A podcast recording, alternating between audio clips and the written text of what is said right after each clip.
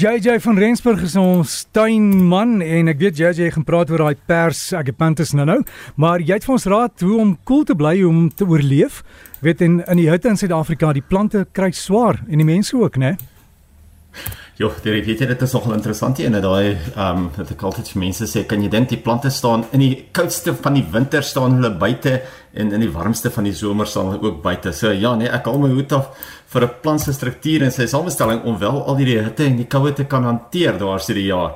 En ja, interessant hier wat ek ook rukkie terug geleer het was jy weet vir alles se mense kyk na jou diere as mense kyk dan hoe kan 'n mens hulle ook bietjie afkoel is jy kan 'n bottel water kan jy vries in die vrieskas en dan kan jy daai bottel water net so in hulle waterbak sit sodat jy ook vir hulle koel water kan gee en dan weet jy ten minste hulle gaan ook daarmee 'n bietjie vinniger kan afkoel as wat ehm um, as wat hulle sou afgekoel het as dit net gewone drinkwater was want ek weet van daai waterbakke kan maar lekker warm word. Maar ja, hoe kal, hoe koel ons ons plante af? En so gereeld kry ek die vraag oor wanneer is die beste tyd van die dag om nat te gooi? Nou kyk, as daar 'n hittegolf is soos wat daar op die oomblik is, gooi mens in die oggend en in die aand nat as jy dit kan doen. Nou jou aand nat gooi gaan nie so lank wees soos in die oggend nie, maar hy gaan wel net vinnig daar wees om die plante self af te koel.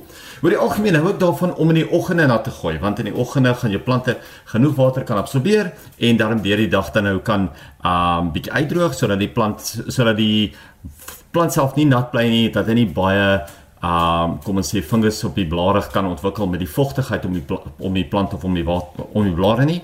So probeer maar om nou op die oomblik die plante oggend en aand vinnig nat te maak as jy kan as daar genoeg water is of as jy 'n boorgat het, as jy toegang tot water het, maar natuurlik as dit dorpswater is, is dit maar 'n bietjie moeiliker om dit te doen.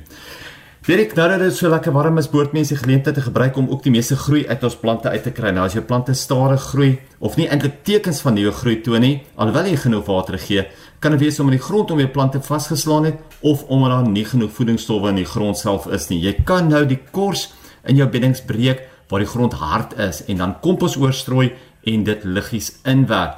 Dis ook nou die regte tyd om die plante met kunsmis te voer, iets hoogs in stikstof te gebruik, soos die gewone 713.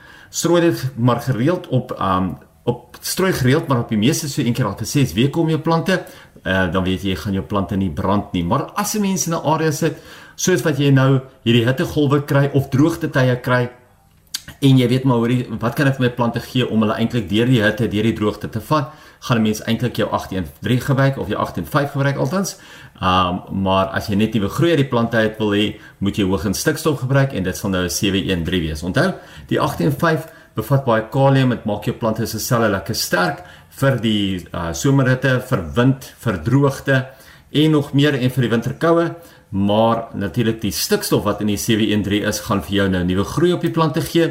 So dit gaan vir jou lekker nuwe baie groei uh forceer of uh van die plant af kry. Nou een van die lelies wat deesdae pragtig blom is, wat nie eintlik 'n lelie is nie, is die daglelies. Kan jy dit glo? Dis nie 'n lelie nie, dis net 'n meerjarige plant wat van wortelstokke af groei. Nou alhoewel daar deesdae spesies is wat dwars deur die jaar blom of baie meer deur die jaar blom, is die meeste nou gedurende November in blom. Die rede hoekom dit daglelies genoem word, is omdat elke blom net vir een dag basies oop is, net vir een dag blom. Maar gelukkig omdat hy 'n hele rits blomme het, gaan jy elke dag 'n nuwe blom kry en dan kry jy dan nou jou daglelie. Die blom self lyk soos 'n lelie en dit is hoekom dit 'n daglelie genoem word, maar dit is nie 'n lelie nie. As jy daglelie swak blom, kan dit wees dat die plante nie genoeg son kry nie en ook dat die plante 'n tekort aan water of kalium het. So onthou water kan jy net maar gooi soos wat dit nodig is en uh seker maak dat jou plante klam genoeg hou of nat genoeg hou. Maar as jy meer kalium wil toedien, net soos ek net gesê het, jou 815 is baie goed daarvoor of jy kan 'n organies gebaseerde flower power um, gebruik wat baie kalium bevat. Nou onthou dis nie nodig om die plante jaarliks te lig nie maar sy die grond vaslaan of sy dit wou verdeel sal dit raadsaam wees om dit wel in die herfs of in die winter te deel en oor te plant. Moenie dit nou probeer opdeel terwyl hulle pragtig en blom is nie. Onthou eerder wat waar hulle is, wat moet opgedeel word, merk hulle as jy kan of as jy moet met 'n stukkie lint om die blare en dan deel jy hulle op in die herfs en jy deel uit aan vriende en vriendinne of familie net soos dit nodig is of jy verplant hulle net ergens anders in die tuin sodat hulle vir jou meer kleur kan gee. Was eintlik vir my so lekker geweest toe toe ek afgery het een een keer Durban se kant toe, toe hulle al die um strate en die eilande op die strate vol geplant het met hierdie pragtige daglelies. uh, en toe hulle so pragtig en blom was, hoe mooi gesig dit eintlik vir jou gegee het, hoe mooi prentjie dit gegee het met al daai blomme wat so maklik blom. Nou mense sien en hoor soveel van haalstorms deesdae, veral met hierdie hitte wat ons het. En ek het rukkie terug iets op sosiale media gesien wat nog heel, heel prakties is om toe te pas net na 'n haalstorm. Nou eerstens moenie dadelik begin terugsny nie. Wag eers vir nuwe groei en dan besluit jy wat teruggesnoei moet word en wat nie. Nou tweedens wag voordat jy voer. Saam met die haal is daar geweldig baie stikstof wat in die grond insmelt soos die haal smelt en so sal daar so genoeg voedingsstowwe vir eers wees.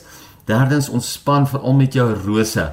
Besluit eers na so 2 weke wat werklik teruggesny word en wat gevoer moet word en dan laastens breek die kors van die grond om die water makliker te laat insyfer.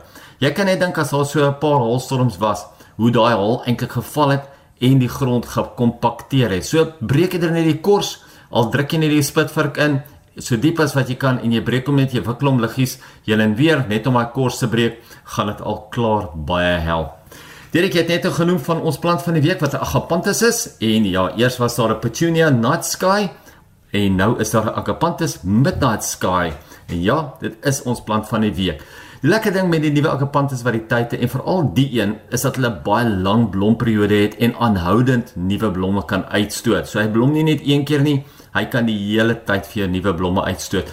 Die donker persblou blomme, hy's so donker persblou, is net so onder 'n meter hoog op lang stele Hy's mal oor die volson en hy is ook lekker gehard. Nou mense vra altyd waar kan ek hierdie plant van die week plant? Nou hierdie akkie is ideaal vir potte of in beddings en hy is ook siektevry. So hy is baie meer bestand teen die siektes wat die agapanthus ook kry. Mag gaan vra 'n bietjie by jou naaste kweekry of hulle die nuwe agapanthus Midnight Sky wel in voorraad het. Ons gaan maak JJ van Rensburg Midnight Sky gaan loer op sy Facebook bladsy. Die foto is daar. Gardens by JJ. Gardens by JJ. Jy sal dit sien en lekker tuin maak.